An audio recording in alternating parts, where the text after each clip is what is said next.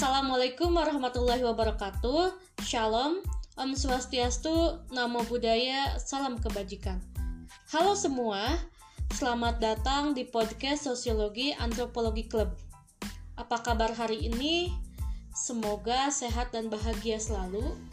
Ibu harap ketika kalian mendengarkan podcast ini sambil melihat PPT-nya dan kita duduk bareng berdiskusi bersama. Hari ini kita masuk ke pertemuan pertama pematerian yaitu akan membahas tentang sosiologi sebagai ilmu pengetahuan atau sosiologi fungsi sosiologi dalam mengenali gejala sosial di masyarakat. Nah, sebelum kita mempelajari lebih dalam tentang sosiologi, maka di awal pertemuan kelas 10 IPS kita akan lebih mengenal terlebih dahulu tentang apa itu sosiologi.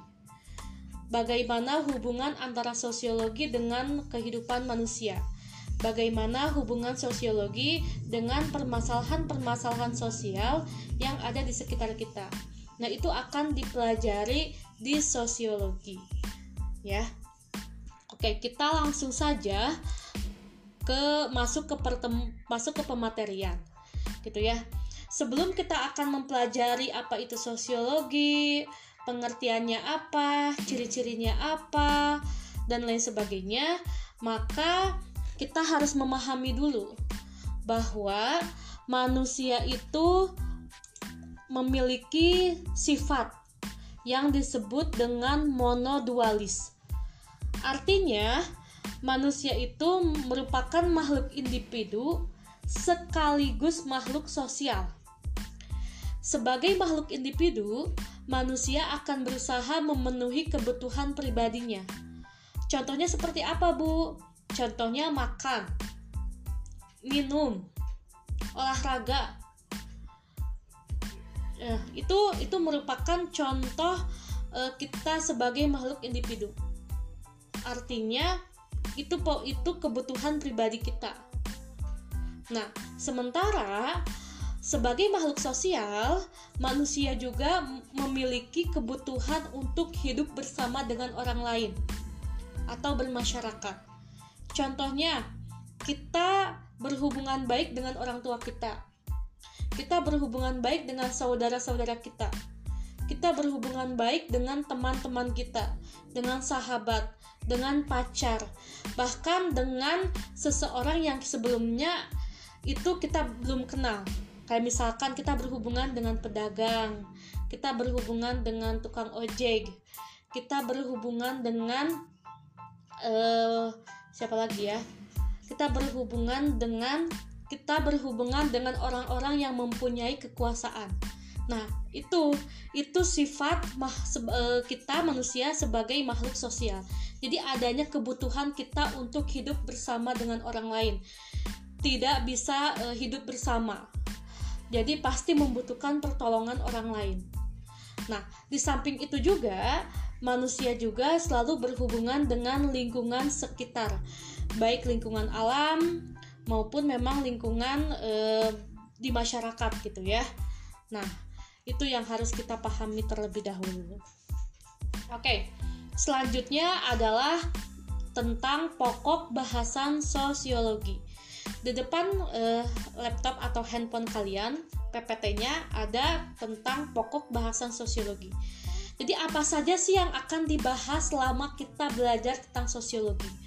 Sebetulnya kan sosiologi itu luas. Jadi kita akan membahas tentang dari A sampai Z. Masalah A sampai masalah Z kita bahas satu persatu. Tetapi ada memang ada batasan-batasan yang memang harus kita e, pelajari dan ada batasan-batasan yang memang tidak perlu dipelajari. Jadi pokok bahasan sosiologinya itu apa aja? Nah di depan kalian itu sudah ada, yaitu ada empat kategori yang akan dibahas dalam sosiologi. Yang pertama ada fakta sosial. Apa itu fakta sosial? Fakta sosial itu merupakan cara bertindak berpikir, dan berperasaan yang berada di luar individu dan mempunyai kekuatan memaksa untuk mengendalikan individu. Jadi fakta sosial ini sifatnya di luar individu, di luar ranah kita. Tetapi uh, ini tuh mengikat adanya uh, mempunyai kekuatan untuk mengikat kita, untuk mengendalikan kita. Nah, contohnya seperti apa, Bu? Contohnya, uh, kemarin Ibu men-share tata tertib uh, selama pembelajaran daring. Salah satunya adalah kalian harus masuk tepat waktu sekolahnya, terus memakai seragam yang lengkap. Dan selama pembelajaran berlangsung itu harus fokus dan tidak e, bermain-main. Nah, itu adalah aturan-aturan yang mengikat Nah, aturan-aturan yang mengikat selama pembelajaran daring berlangsung. Jika memang kalian tidak menturuti uh, aturan tersebut, kalian bolos, kalian tidak mengerjakan tugas, kalian tidak hadir, kalian menghilang, maka ada konsekuensi-konsekuensi yang sedang menunggu kalian. Ya, berupa sanksi, berupa pemanggilan, bahkan berupa e, bisa ada ancaman e, drop out gitu ya. Nah, jadi itu yang disebut dengan fakta sosial. Jadi e, artinya jadi e, sifatnya itu di luar kendali kita, tetapi sifatnya memaksa. Nah, itu yang disebut dengan fakta sosial. Yang kedua, ada tindakan sosial. Tindakan sosial ini merupakan suatu tindakan yang dilakukan dengan mempertimbangkan perilaku orang lain. Contohnya seperti apa, Bu? Contohnya, ketika kalian masuk ke kafe, misalkan ke kafe. Nah, di kafe itu ada live musik nih. Ada live musik. Ada orang yang menyanyi, ada orang yang bermain, bermain gitar atau bahkan bermain piano lah ya. Live musik. Nah, eh, tindakan sosial itu ketika ada orang yang sedang menyanyi dan dia mendapatkan perhatian dari orang lain. Nah, itu yang disebut dengan tindakan sosial. Atau gini deh, sekarang lagi zaman booming kalau lagi marah-marah di depan umum terus direkam. Nah, itu yang disebut dengan tindakan sosial. Jadi ada perhatian dari orang lain terhadap kita, terhadap tindakan kita. Nah, itu yang disebut dengan tindakan sosial. Nah, yang ketiga ada hayalan sosiolog. Nah, khayalan sosial ini di mana kita mampu memahami sejarah masyarakat, riwayat hidup pribadi, dan hubungan antar keduanya. Nah, alat untuk melakukan khayalan sosiologi itu ada troubles dan ada isu. Contohnya, contohnya nih, kalau misalkan troubles itu kan merupakan permasalahan pribadi individu dan merupakan ancaman terhadap nilai-nilai pribadi. Contoh, misalkan di suatu daerah, di satu daerah ada satu orang yang menganggur. Nah, satu yang menganggur ini disebut dengan uh, trouble. Jadi hanya hanya satu orang nih yang masalahnya troubles. Nah, sedangkan kalau misalkan ternyata orang yang menganggurnya itu lebih banyak, misalkan ada 18 juta penduduk misalkan ya di suatu daerah yang e, menganggur. Nah, itu yang disebut dengan isu. Jadi e, itu yang disebut dengan isu. Nah, jadi kalau isu itu e, hal yang ada di luar jangkauan kehidupan pribadi individu gitu. Nah, yang terakhir adalah realitas sosial. Nah, untuk realitas sosial, realitas sosial ini uh, mengungkapkan permasalahan-permasalahan yang ada di sekitar kita. Jadi sosiologi itu wajib untuk memecahkan masalah masalah sosial yang ada di lingkungan sekitar. Nah, tetapi ada syaratnya untuk melakukan e, realitas sosial. Di mana sosiologi harus mengikuti aturan-aturan ilmiah dan melakukan pembuktian secara ilmiah dan objektif dengan mengendalikan prasangka pribadi dan pengamatan tabir secara jeli serta menghindari penilaian normatif. Jadi artinya ketika kita melakukan e, suatu realitas sosial, melakukan memecahkan masalah sosial, maka itu harus sesuai dengan kaidah-kaidah dan juga harus mengikuti aturan-aturan yang memang e, apa ya sudah disepakati oleh sosiologi gitu. Jadi tidak sembarangan tidak sembarangan e, bisa memecahkan masalah tidak bisa. Jadi ada aturan-aturan yang mengikat dan harus dibuktikan secara ilmiah dan objektif. Nah itu yang disebut dengan e, realitas sosial. Nah itulah e, pokok bahasan e, sosiologi yang akan kita e, pelajari ke depannya. Selanjutnya nah selanjutnya ada sejarah perkembangan sosiologi. Jadi Sosiologi itu apa? Nah, sosiologi ini merupakan sebuah istilah yang berasal dari bahasa Latin. Jadi sosiologi itu dibagi dua. Ada socius.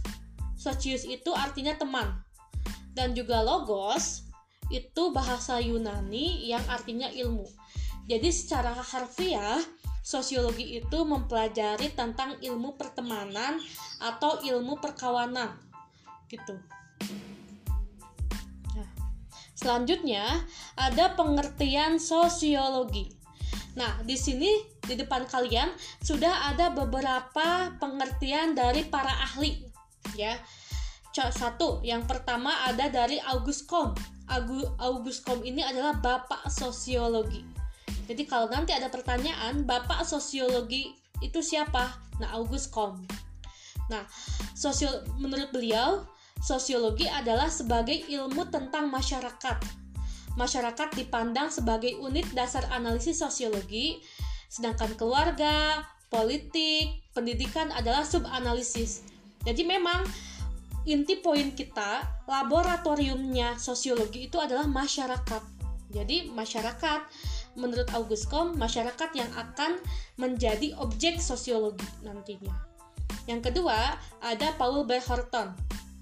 Nah, sosiologi itu adalah ilmu yang memusatkan pada kehidupan kelompok dan produk kehidupan kelompok tersebut.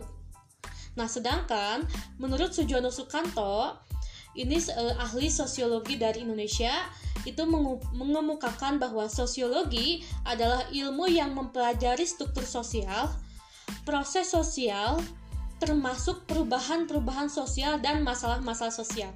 Ini yang sudah Ibu jelaskan uh, sebelumnya ya di slide sebelumnya bahwa, bahwa sosiologi itu erat kaitannya dengan masalah-masalah sosial, erat kaitannya dengan hubungan dengan manusia lain, erat kaitannya dengan kehidupan-kehidupan kita. Nah, jadi dapat disimpulkan bahwa sosiologi itu merupakan ilmu yang mengkaji interaksi atau hubungan antara individu dengan individu, individu dengan kelompok, serta kelompok dengan kelompok di dalam masyarakat. Jadi kita mempelajari tuh hubungan pribadi kita dengan orang lain, pribadi kita dengan kelompok, serta kelompok dengan kelompok di dalam masyarakat. Oke, di slide berikutnya ini ada uh, pengenalan bapak sosiologi. Jadi ada dua nih bapak sosiologi. Kalau misalkan bapak sosiologi secara umum itu ada August Comte. Nah, August August Comte ini uh, filsuf dari Prancis yang dikenal karena memperkenalkan bidang ilmu sosiologi serta aliran positivisme.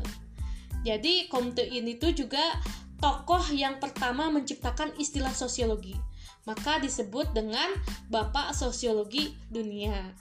Nah, yang kedua ada Bapak Sosiologi Indonesia. Nah, Bapak Sosiologi Indonesia ini Bapak Sela Sumarjan.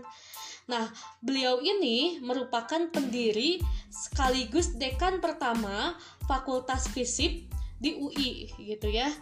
Nah, yang sampai akhir hayatnya itu setia menjadi dosen sosiologi di FISIP UI. Nah, beliau seorang ilmuwan sosiolog yang dikenal sebagai Bapak Sosiologi Indonesia. Jadi jangan ketuker ya. Kalau misalkan Bapak Selo Sumarjan itu e, Bapak Sosiologi Indonesia, kalau August Kom itu adalah Bapak Sosiologi Dunia. Oke, kita akan masuk ke uh, slide berikutnya yaitu tentang sifat ilmu pengetahuan. Nah, apa aja sih yang bisa dikatakan atau bisa dideskripsikan bahwa itu merupakan sebuah ilmu pengetahuan? Nah, ini ada sifat-sifatnya. Nah, Yang pertama itu ada rasional, bahwa ilmu pengetahuan itu harus e, secara logis, jadi harus masuk akal. Nggak boleh kita e, kalau misalkan menghalu itu nggak boleh. Nah, yang kedua harus objektif, artinya harus jujur dan juga apa adanya sesuai dengan realnya gitu, sesuai dengan realitasnya. Jadi harus harus real, nggak boleh dilebih-lebihkan, nggak boleh dikurang-kurangi. Nah, yang ketiga ada akumulatif. Nah, akumulatif ini ilmu itu dibentuk dari dasar teori yang disempurnakan. Nah, terus yang keempat ada empiris. Nah, empiris itu harus bisa dibuktikan dalam kehidupan sosial. Jadi ilmu pengetahuan itu harus dibuktikan dalam kehidupan sosial. Nah, yang terlima ada andal dirancang.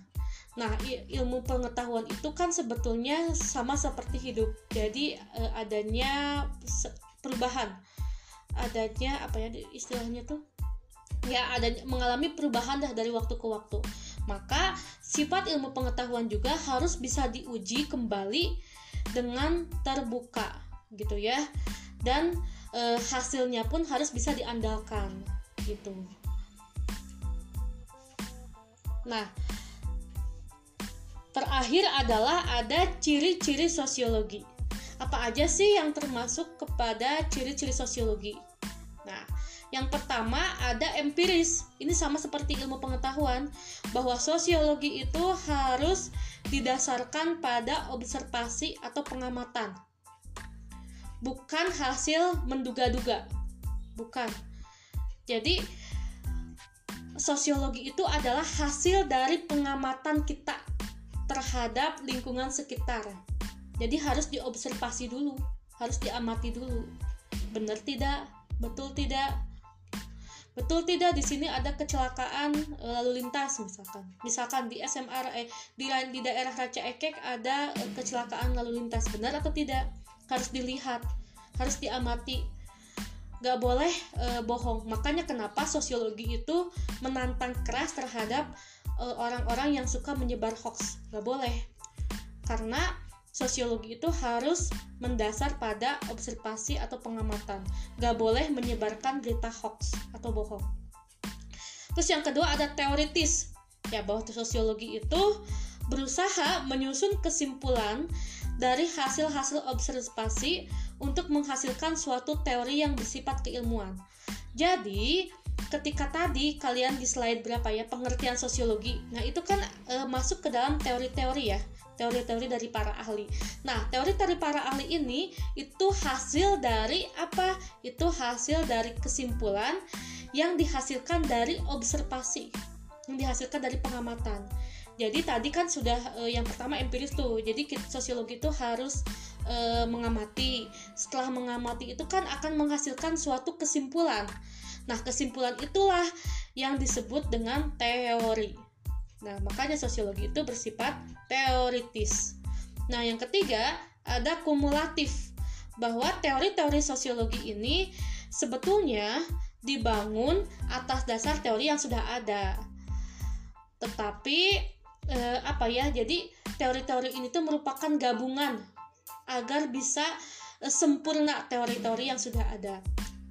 Nah, yang terakhir adalah non-etis.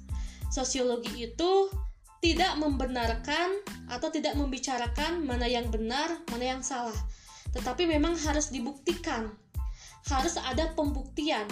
Jadi ketika sosiologi bilang bahwa itu salah, bahwa itu benar, maka harus ada pembuktian gitu. Harus ada uh, pembuktian, harus bisa mengungkapkan tindakan sosial sebagai fakta sosial. Nah, yang nantinya akan menghasilkan fakta sosial gitu. Paham kan ya? Nah, itu yang di eh, itu yang dimaksud dengan ciri-ciri sosiologi. Nah, ciri-ciri sosiologi ini harus hafal karena sering muncul di UTS, di PAS, di kuis. Jadi ciri-ciri sosiologi itu ada empat. Yang pertama ada empiris, yang kedua ada teoritis, yang ketiga ada kumulatif, dan yang keempat ada non etis nah itulah pematerian pertama eh, di pertemuan pertama ini. Terima kasih sudah mendengarkan. Silahkan ditulis uh, materinya, dirangkum di buku sosiologi.